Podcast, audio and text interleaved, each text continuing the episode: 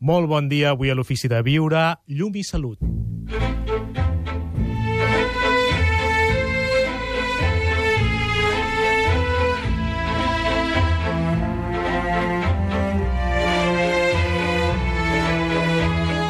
Gaspar Hernández, l'Ofici de Viure.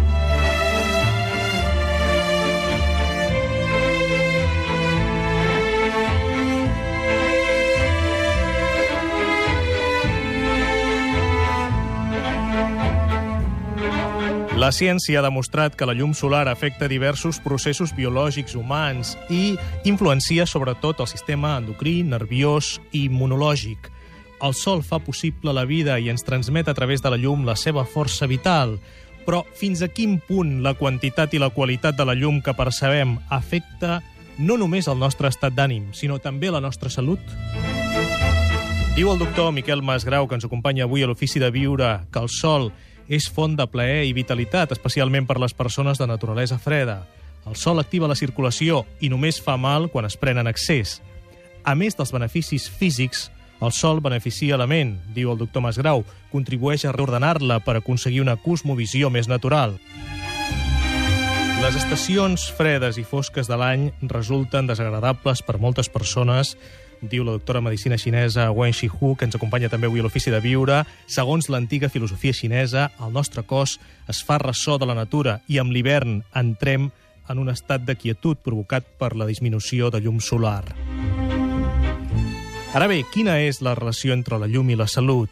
Quins són realment els beneficis del sol? Com pot afectar el nostre estat d'ànim i de salut? Com i quan podem gaudir de l'energia del sol? I en quina mesura? Fins a quin punt, com més llum rebem, més sants estarem?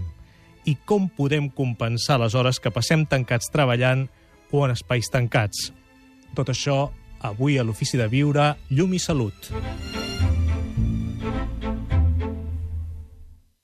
Galileo Galilei. El Sol, que gira al voltant de tants planetes, no s'oblida de la maduració del raïm.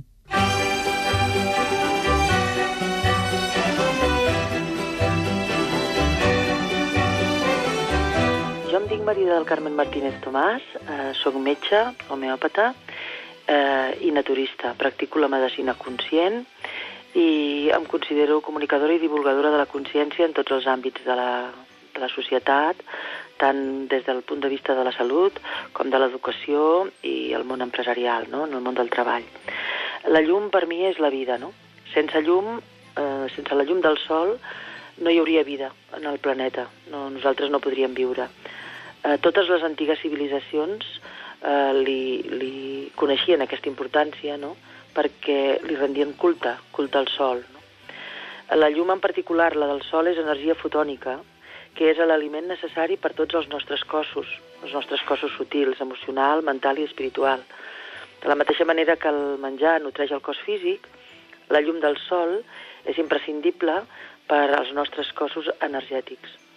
En els països nòrdics, en què les hores de llum solar són molt curtes, doncs eh, tenen molts problemes de salut. Bàsicament eh, hi ha una estadística molt elevada tant de, de suïcidis com de persones malaltes amb depressió. La llum del sol ens entra a través dels ulls i aquesta energia fotònica, aquest, aquestes partícules lumíniques, activen la glàndula pineal. I la glàndula pineal és la que regula els bioritmes del nostre cos. Per posar un exemple, té molts efectes, sobretot en la part de les hormones, no? tot el sistema endocrí, però mm, bàsicament té molta importància en el bioritme de la son. És a dir, quan nosaltres respectem la llum de dia i la foscor de nit, doncs el bioritme de la son podem eh, dormir amb, amb placidesa i amb tranquil·litat. No? Molts dels problemes de son que tenim actualment és perquè ens mantenim amb llum elèctrica durant tot el dia, no? moltes vegades fins a altes hores de la nit. I llavors la nostra glàndula pineal va una miqueta despistada. No? Avui a l'Ofici de Viure de Catalunya Ràdio fins a quin punt la llum és sinònim de salut? Fem aquesta pregunta en el sentit més ampli. El doctor Miquel Masgrau. Què tal, doctor Masgrau? Molt bon dia. Ben Bon dia. retrobat. A la doctora Wen Shihu, Què Bon tal? dia, Wen, què ben tal? retrobada. Uh, especialitzada en medicina tradicional xinesa, xinesa també... Se sent, I ara suposo que a aquestes alçades ja se sent catalana, no? Sí. Cal recordar que és català tothom qui viu i treballa a Catalunya. O sigui Sí, que sí, sí, sí. Ara ja només falta perfeccionar una mica el català i ja estarà tot, no? Aún me falta un poquito. Gràcies per tornar al programa. I a Francesc Selma. Francesc, molt bon dia, benvingut. com estàs? Com vol que el presenti?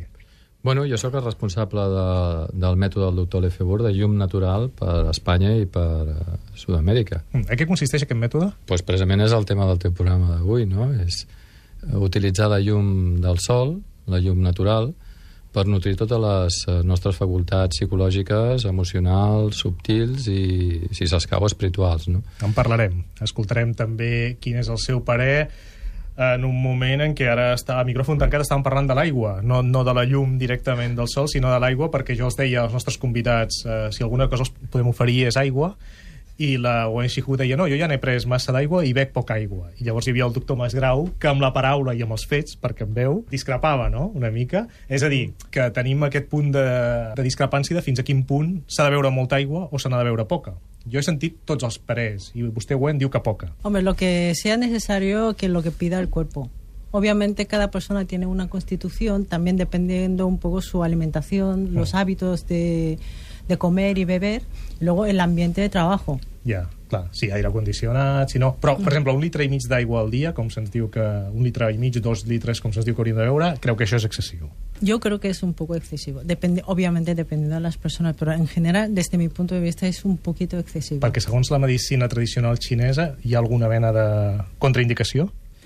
Hombre, eh, según mi punto de vista y mi comprensión eh, de la teoría, Sí. el agua encharca la tierra, que es ah, para nosotros representa bazo estómago. Entonces, estómago necesita fuego para poder digerir y in- eh, ingerir los alimentos. Si bebemos demasiada agua, lo debilitamos, eh, apagamos su fuego para que su digestión sea más débil, más lento. És cert que l'aigua, l'accés d'aigua, eh, que encharca, com es diu Sí. en català, bueno, inunda la terra, diguem. Però l'aigua, fonamentalment, fertilitza la terra. Llavors, la irrigació, eh, l'aigua és, és un element imprescindible per la vida. Llavors, que tot està en qüestió de, de, de mesura, Sempre, no? Evidentment, la, la, pròpia, la pròpia persona et demana la quantitat d'aigua que vol, no? Llavors, una persona molt calenta, naturalesa molt calenta, demanar més aigua una de naturalesa freda. Però de totes la persona de naturalesa freda, tot i així, necessita beure aigua encara que no tingui set. Sobretot quan es creen flemes dintre del cos, perquè això arrossega arrossega molt l'aigua, saps? Neteja, és una neteja interna, i llavors una mica, un, una mica sempre cal beure, i si no estàs de set, jo aconsello beure una mica encara per la set. Sí. Doctor Masgrau, per vostè quina relació hi ha entre llum i salut? Bueno, hem parlat molt de la llum del sol, no? És que l'ésser humà són productes del sol, són fills del sol. I tot, la nostra, la nostra evolució, diguem, està guiada pel sol. El nostre organisme està regit pel sol. És, som la nostra alimentació, estem, de fet estem menjant eh, sol, no? sol concretitzat amb les plantes, estem respirant eh, per acció del sol, l'oxigen que despleguen les plantes per la funció clorofílica del sol. És a dir, el sol, jo no entenc com algú gosa parlar malament del sol. O sigui, el sol és la nostra vida. Per això els antics l'havien adorat i, i, i va ser el primer dels déus, no? El, tenien més, més bon ull que nosaltres. A em fa patir molt quan avui dia sento parlar malament del sol, que dona càncer, que dona no sé què. Bueno, el que, el que, el que és dolent, diguem, és prendre A l'excessivament. l'agost està no sé quantes hores a la platja... Clar, Sí. L'accés és dolent, però i el sol, no, per favor, un respecte. El sol és la, és la pròpia vida de, de l'home. Nosaltres som una mica concrecions del sol, fills del sol. Això ho explica molt bé en Josep Pla, que diu, bé, és que el, el problema és que els, nosaltres, els nostres pares, això, la seva generació, no anaven a l'estiu a les 12 del migdia a la platja a prendre el sol. Eh? La relació amb el sol era una altra. Sí, sí. Per tant, el, el sol i la llum, la llum del sol, està directament relacionada amb la salut. Però mm, sobretot amb la salut, és a dir, el, els ritmes aquests de circadians, no? els ritmes de, de, del dia, de, de, del dia-nit, diguem, que, es, que han conformat l'espècie humana des de, si és veritat que venim del mico, des del mico fins als nostres avis, pràcticament, no? Fins que va arribar un invent que potser algun dia el, el, el, el considerem una mica diferent d'ara, que és el de la bombeta. La bombeta ha transformat completament la, la llum elèctrica i l'electricitat en general, ha canviat l'estil de vida de l'home. No? De, de, la, abans es diferenciava molt bé el dia de la nit, i la nit s'il·luminava amb fogueres o al màxim amb una espelma. No?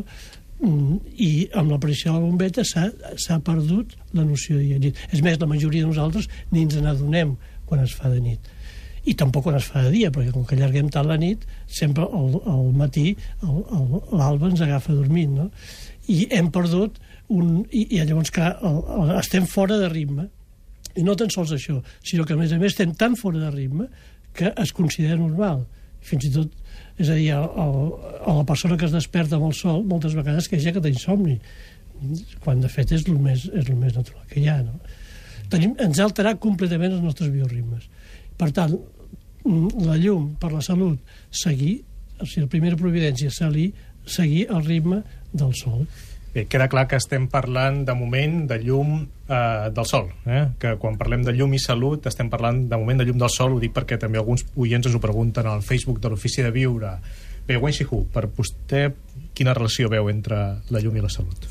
Bueno, la, uh, la luz, eh, cuando hablamos de sol, lo que podemos relacionar es directamente con la energía yang, que es una energía activa, uh, generadora, hacedora de uh, formas y también es el motor, ¿no? El motor que conmueve y promueve nuestra circulación, salud y al mismo tiempo podemos traducir el sol o el, la energía yang como el chi. Chi es lo que nosotros llamamos la energía vital que este chi es el que transforma algo uh, abstracto para hacerse forma, para luego formarse en forma de yin, que sería sangre, y luego tomar forma, hacer nuestro cuerpo. Por lo tanto, el sol podemos considerar como energía yang y el, la energía yin sería el agua. Por eso muchas veces decimos el sol y agua es la fuente de vida, aparte del sol, que es la fuente de vida el agua también es tan necesaria como uh, para sobrevivir o para vivir. Entonces, el, la energía de agua, que es el yin, para no, nuestra medicina, que es el riñón. De riñón, agua, sol, corazón, son dos elementos que forman la vida y da forma a, a nuestro cuerpo físico y la salud. Bé, per tant, sense llum del sol no hi ha vida. Diria. Sí. I vostè per això, vostè no, és, no està morena, diguem-ne. Eh? No. Dir, vostè que no el pren molt el sol. Eh? No, no, no me sienta muy bien el sol porque me agobia mucho. Es como el sol activa demasiado la circulación de sangre, que es fuego al fuego, que es el corazón, elemento fuego, que es nuestro corazón. Cuando recibimos demasiado fuego, agitamos demasiado, demasiado el corazón. La energía del corazón uh, se debilita. Va. És a dir, que hauríem de prendre Moderar. el sol amb mesura. Sí. Com sempre anem, anem allà Sí, sí, mateix. hay que no? moderar. El perill està en la dosi. Sí, però a més a més hem de tenir en compte les circumstàncies en què vivim ara. Com que estem tant temps entre, entre quatre parets, és necessari prendre el sol, o sigui, el necessitem. És a dir, quan la vida era a l'exterior, es feia a l'exterior, aleshores es, ja es prenia naturalment el sol, no calia anar-lo a prendre. Però ara s'ha d'aprofitar i, i fins i tot a l'hivern convé prendre'l, eh, i potser més que l'estiu, no? Lo que hablábamos del biorritmo, que por el invento de la bombilla hemos cambiado totalmente o hemos perdido totalmente el ritmo, el ritmo de la vida, porque antes cuando trabajamos en la tierra lo que hacía la gente es levantar con el sol y acabar su jornada cuando se, se iba el sol, de este modo, en invierno la gente trabaja mucho menos porque no hay tanta luz solar.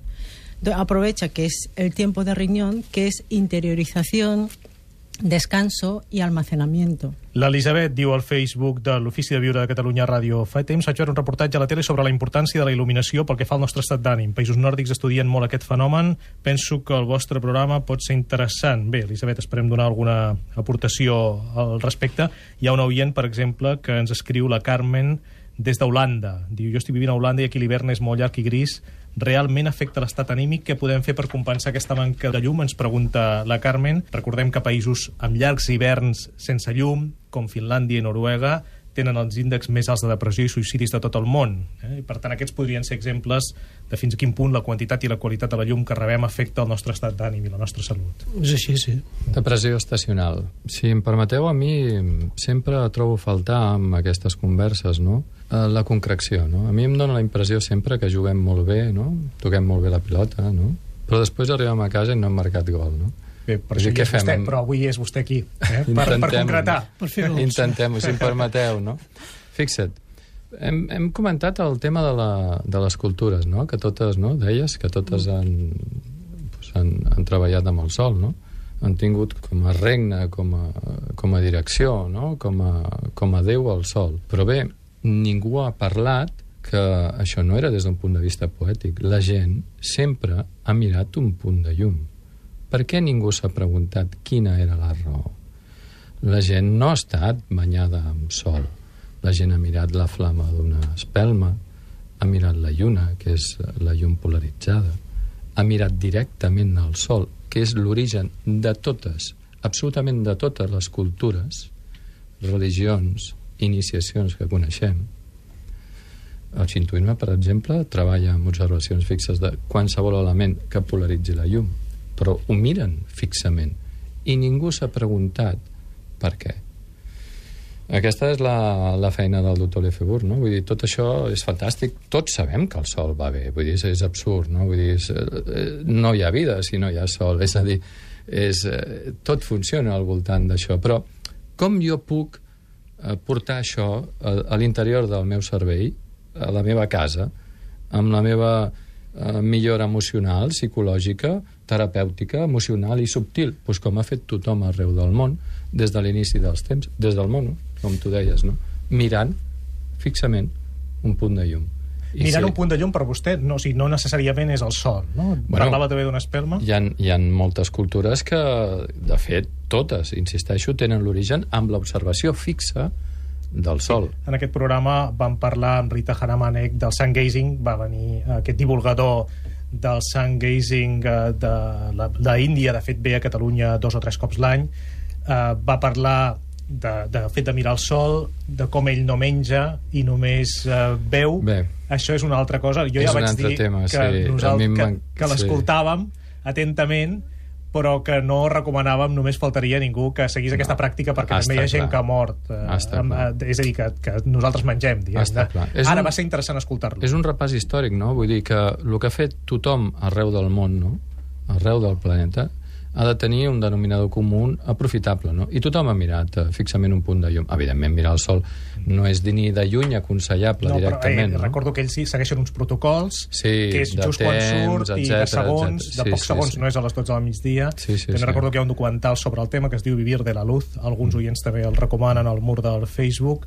Eh, és un documental on surten científics, eh? i est jo crec que la informació que es dona allà està ben, contrasta Bé. ben contrastada.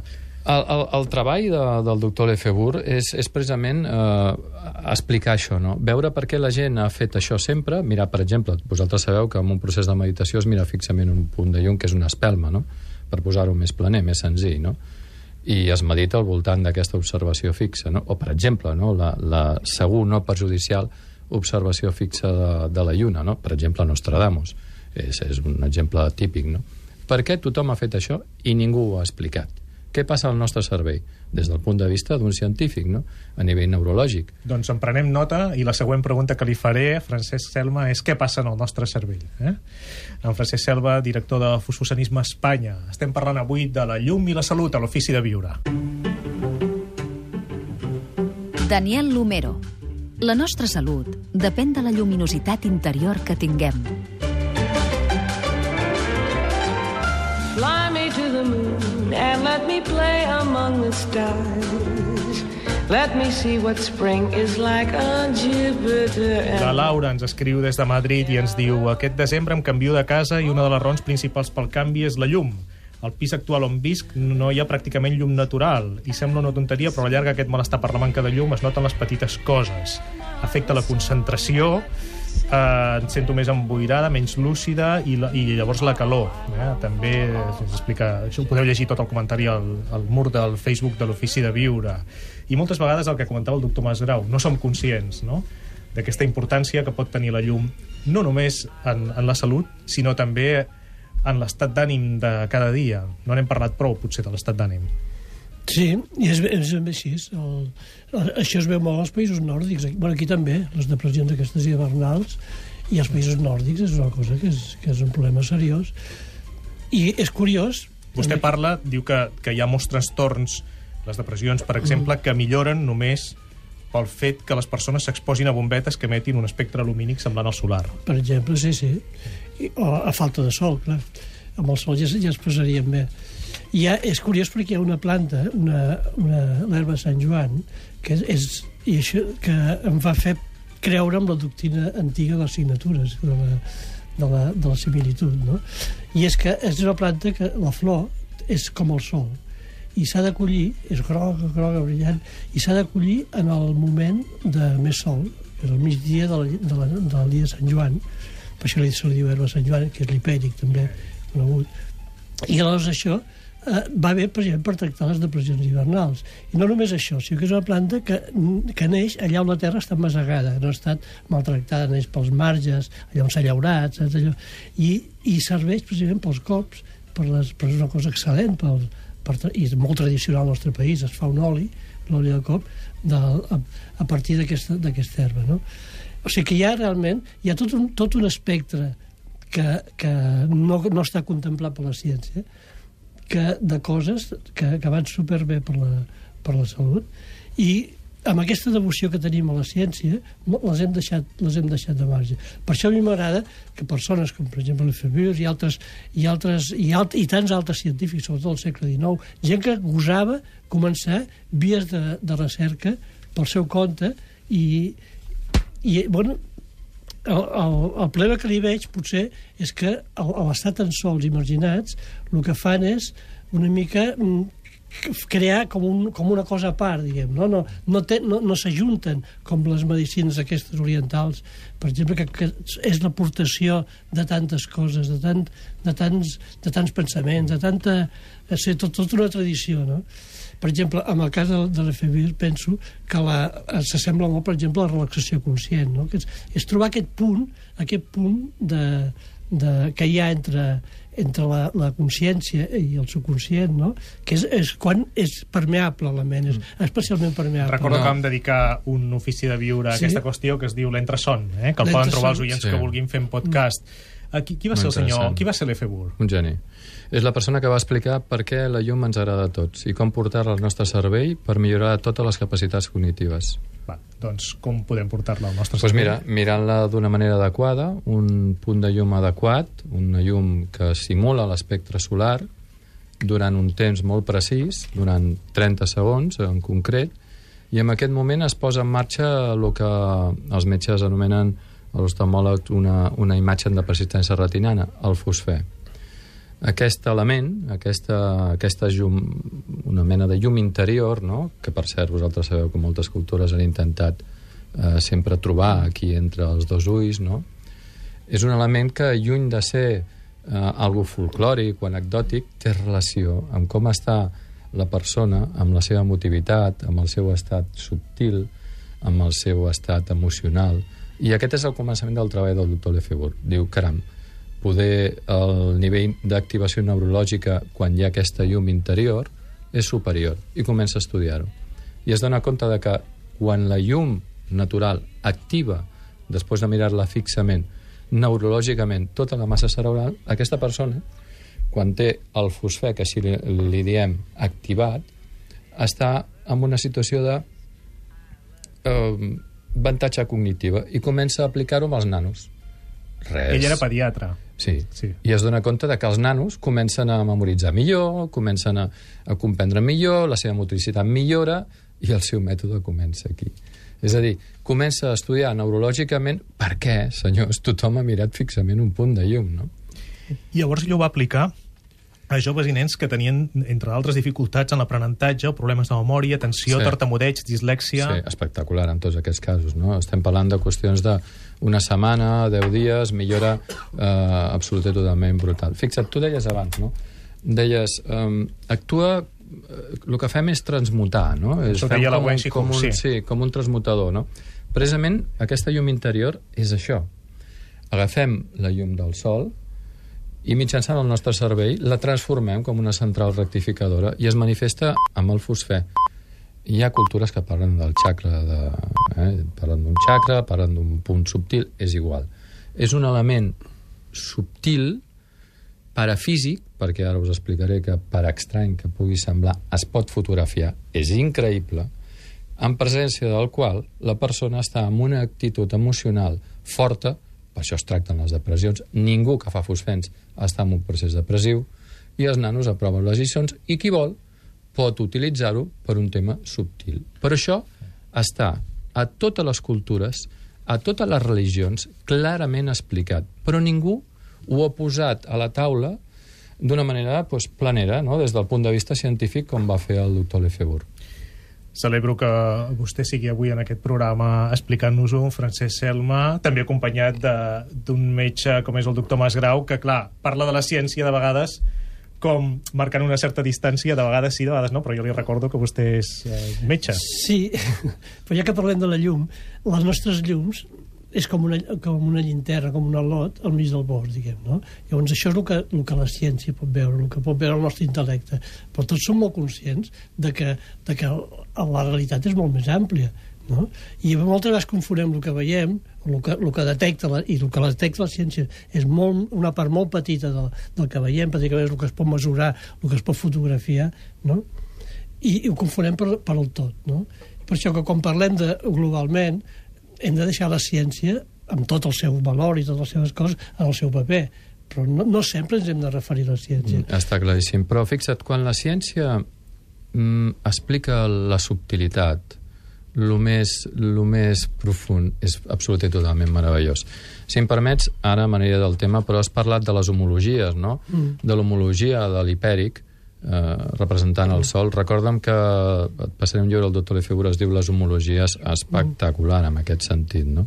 És un goig intel·lectual eh, profund, no? Sí, sí, per això n'he Ah, parlat. Mira, fixa't, amb, amb, amb el moment amb el que tu, tu tens alguna dins del teu cap que puguis treure fora, un pensament. Si, per exemple, tu ara tanques els ulls i dius, mira, vaig a pensar en una noia guapíssima. Com ho podem saber? Et podem posar uns electrodes i podem veure que l'activitat neurològica a nivell elèctric, bioelèctric, és Sí, i X, ja- i, i ja veurem està. unes zones. I ja Però està, no no me la portaràs a la I realitat. per què ho vols saber? No, no, és, és, una, és un exemple. Home, només faltaria. És un Ara, exemple. és l'únic- reducte que ens queda. És un no? exemple. No, que no, els ja no ens queda res més, no? No, és que és veritat, que ho, ho, És cert, ho, no? ho dèiem l'altre dia amb l'Àlex Rovira, clar, la, de moment del cervell en sabem molt poca cosa, i el màxim que podem saber del cervell és mesurar les, les zones on es genera aquesta activitat. És totalment subjectiu, Gaspar. El que passa que com tothom vivim aquesta subjectivitat, creiem que és reproduïble. Tothom somiem, però on estan els nostres somnis? Perquè el protocol científic, si somiem en una casa o amb aquesta noia guapíssima, com la portem a la realitat? Com, com plasmem això? Doncs pues mira, algú que hi ha dins del teu cap, com per exemple un fosfè, després de mirar un punt de llum adequat, una espelma, la làmpada del doctor Lefebvre, la lluna, es pot fotografiar. És a dir, és tan espectacular que aquesta lluminària que nosaltres tenim al nostre cap després de fer un fosfè, quan obres els ulls i la projectes sobre una, pa una placa fotogràfica verge, queda implementada. Quan diu després de fer un fosfè, què vol dir?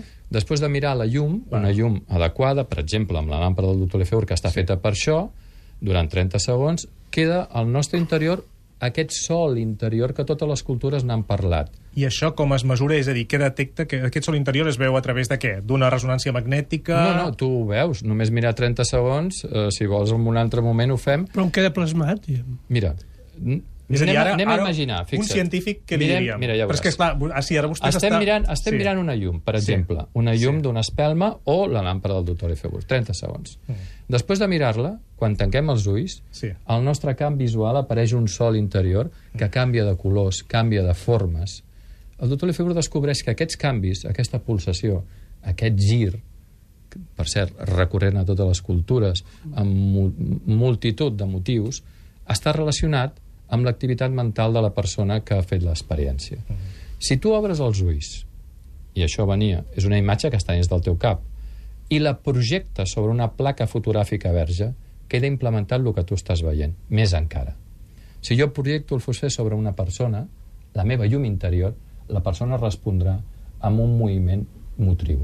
És increïble. I això està documentat amb tot el treball del doctor Lefebvre. És, és a dir, acabo, uh, marquem gol.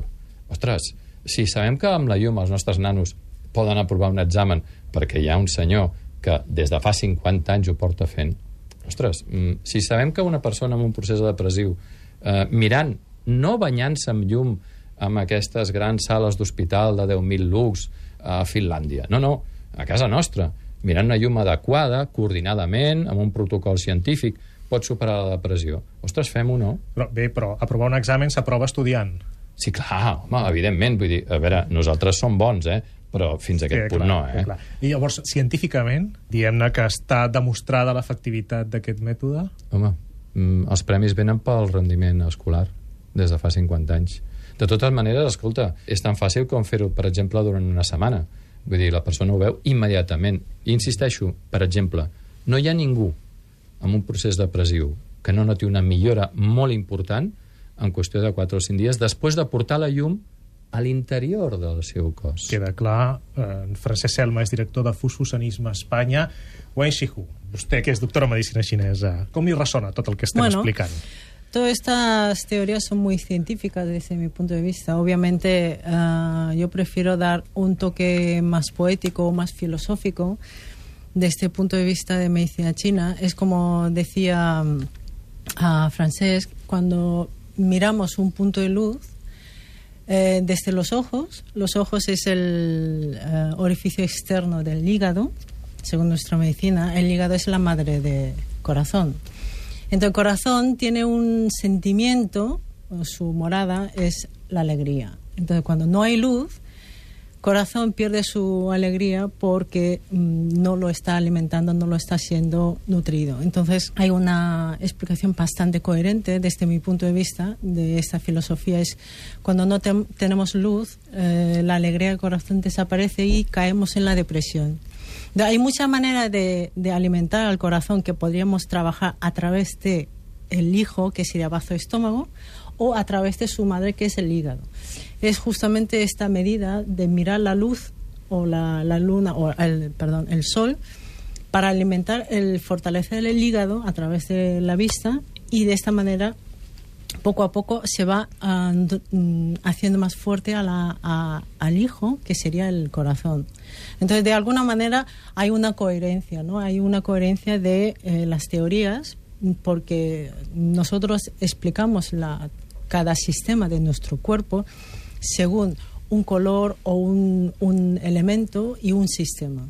Y esto, entre ellos, tiene una relación muy estrecha que no se puede separar, igual que corazón-hígado, corazón-riñón, corazón-bazo. Avui a l'Ofici de Viure estem parlant de llum i salut. Tornem de seguida. Aquí, Catalunya Ràdio. De què té gust el fred? Per mi, de pròpolis. Mm. Pastilles tova joanola de pròpolis? Sí, pròpolis, el remei natural pel coll. I de què té gust el pròpolis? Joanola hi afegeix ingredients deliciosos per aconseguir el pròpolis amb més bon gust. Regalèsia i mel, llimona i mel, eucaliptus... Tasta-les. Pastilles tova joanola de pròpolis. El remei natural pel coll es ven a les farmàcies. Mmm, el gust del fred.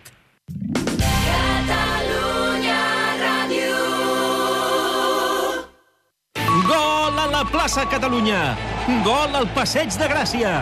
Gol a Pau Casals! Gol a la plaça Espanya! Cada dilluns busca el teu diari o gol amb tota la informació del Barça.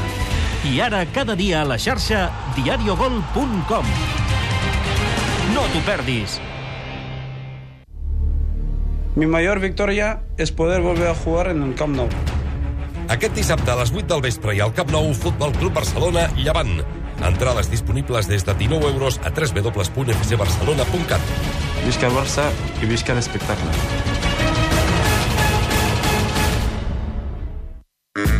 Només aquest dissabte al Corte Inglés, tot el que compris en accessoris de moda, perfumeria i cosmètica a partir de 60 euros. T'ho tornem en xecs màgics del Corte Inglés. Sí, sí, tot. Xecs màgics que pots utilitzar a les teves properes compres i fins al 5 de gener. Només aquest dissabte. I només al Corte Inglés. Vine, consulta les bases de la promoció als nostres centres. Només Pirex pot cuinar i conservar en un únic recipient. El periòdico t'ofereix cada cap de setmana els recipients Pirex amb tapa per cuinar, escalfar, gratinar i conservar els teus millors plats. Cada cap de setmana, un Pirex amb tapa per només 5 euros amb 95 amb el periòdico. Aquí al Penedès sempre fem un pas endavant utilitzant l'última tecnologia per fer créixer els ceps, l'energia solar. Per saber quan hem de collir el raïm, fem servir l'experiència de moltes generacions. Per fer un bon vi, és fonamental aplicar la tradició, tan bo i tan a prop. Aquí va començar tot. Fa milers d'anys que de la nostra terra neixen els millors vins, any rere any. Penedès, l'origen del nostre vi. Aquí, Catalunya Ràdio. Gaspar Hernández, l'ofici de viure.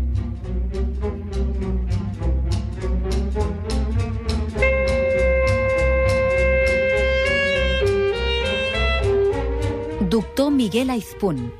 La llum del sol és una bona amiga que impulsa psicològicament i fisiològicament cap a una estimulant sensació de benestar. Avui a l'Ofici de Viure estem parlant de llum i salut. Fins a quin punt la llum és sinònim de salut. Estem escoltant opinions diverses, complementàries, eh, molts matisos del doctor Miquel Masgrau, de Francesc Selma, director de Fusosanisme Espanya, i de Wen Xiuhu, doctor especialista de Medicina Tradicional Xinesa. Hi ha oients que ens parlen com la Mariona, al mur del Facebook de l'Ofici de Viure, de la seva rutina diària, que és una mica més trista per culpa de la falta de llum natural. Bé, amb això hi estem... Hi ha, hi ha unanimitat, no? D'acord, Sí. no?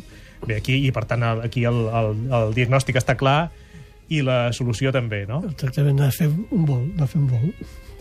Sortir, sortir, sí, clar. Sí, no cal, mira, no cal que llueixi el És que sol. la natura és la gran, la gran sanadora, la guan- guaridora. Si seguíssim els ritmes naturals estaríem, estaríem, no estaríem malalts, vaja. I en aquesta època de l'any, Wen Shihu, mm. què recomana vostè pel que fa a la llum i l'alimentació per tal d'evitar que la nostra vida sigui trista?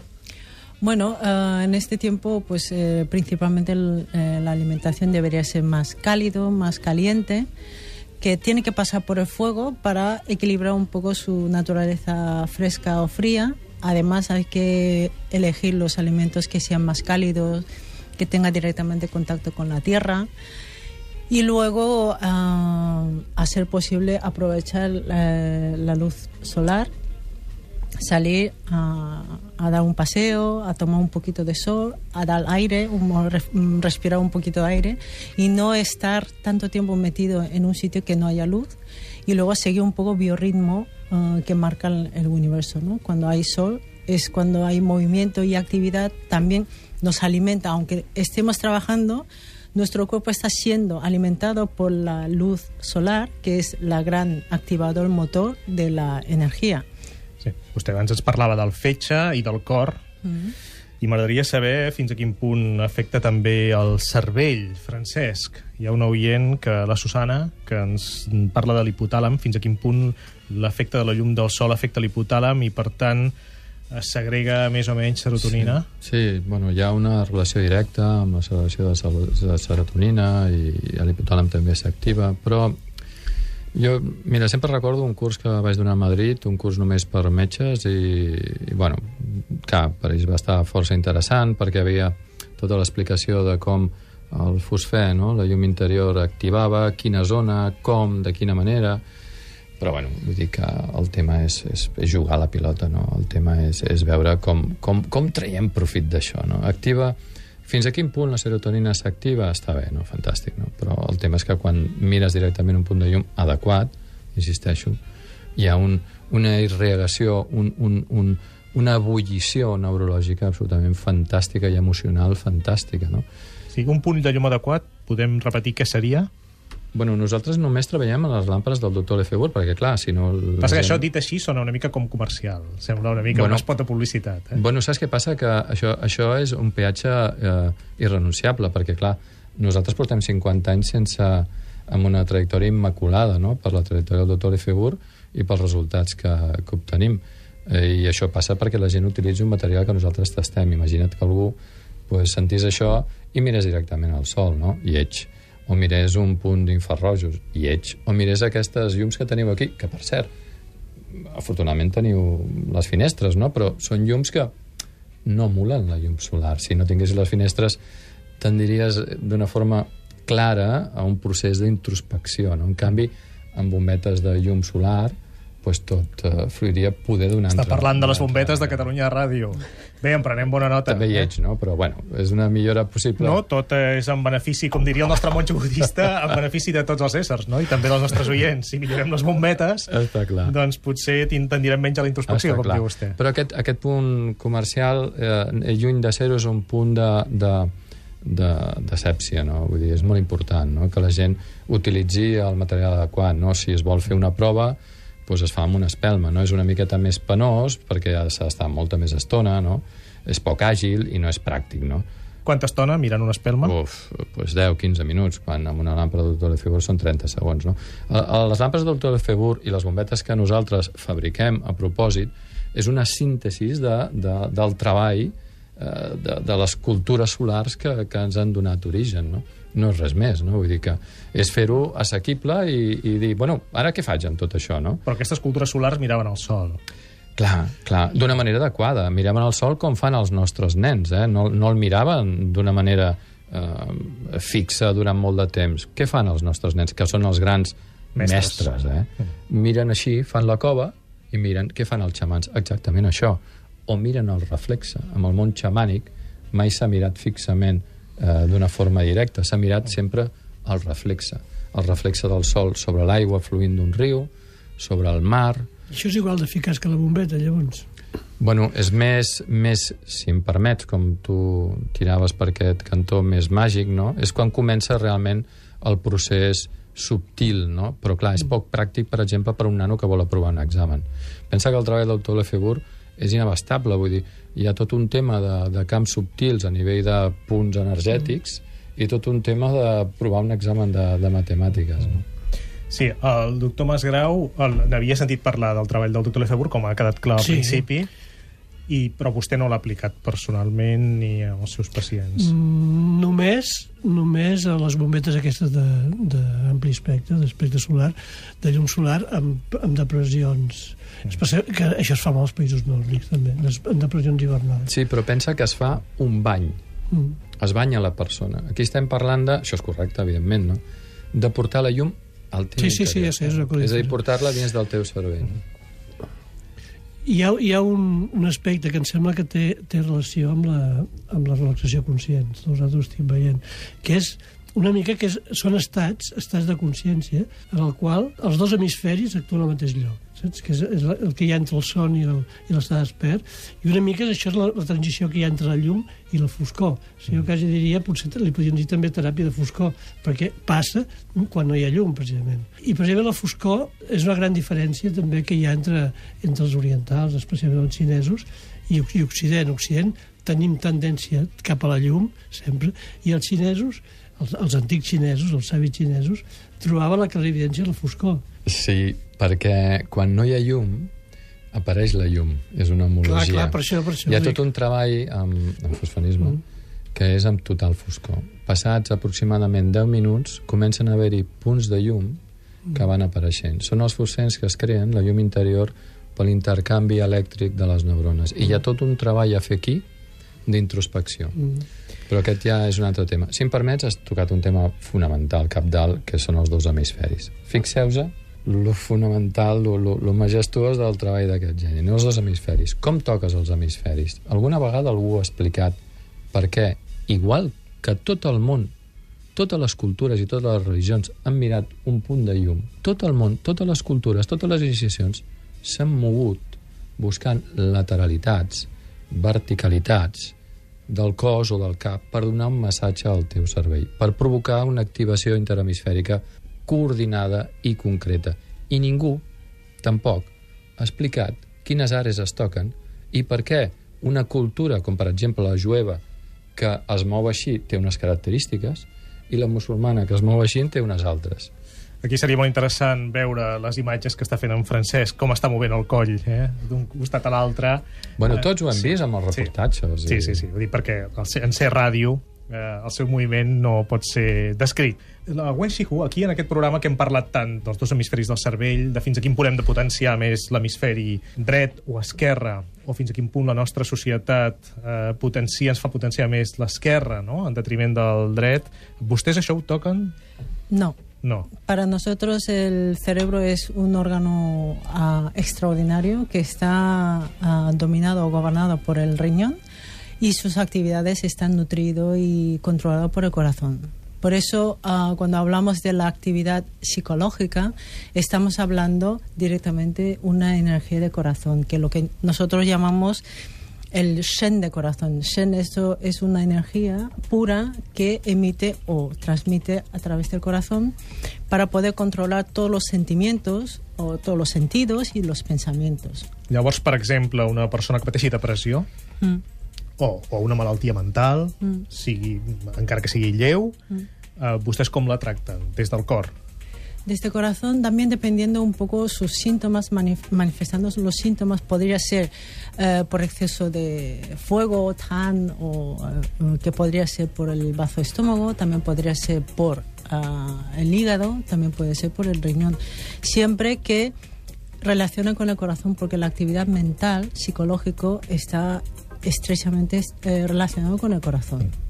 I vostè treballa amb acupuntura, sí. i, i el doctor Masgrau també, i, aquesta, i en l'acupuntura troba, diguem-ne, eh, efectes més o menys ràpids o és molt lent?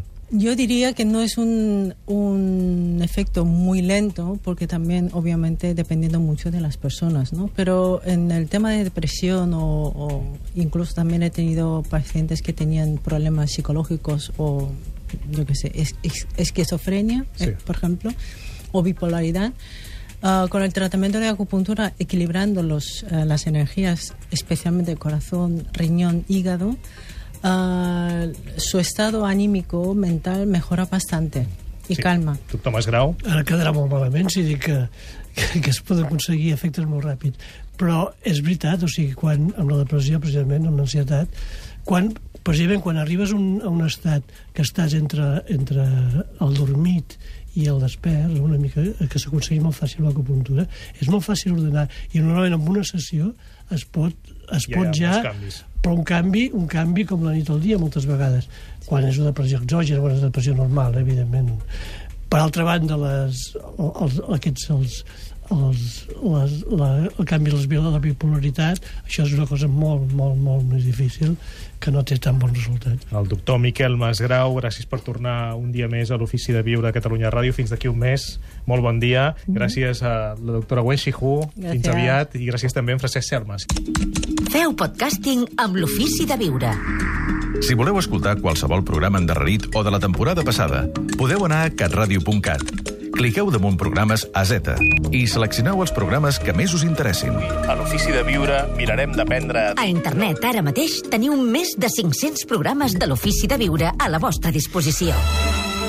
L'Ofici de Viure amb Gaspar Hernández. Eines pel benestar emocional.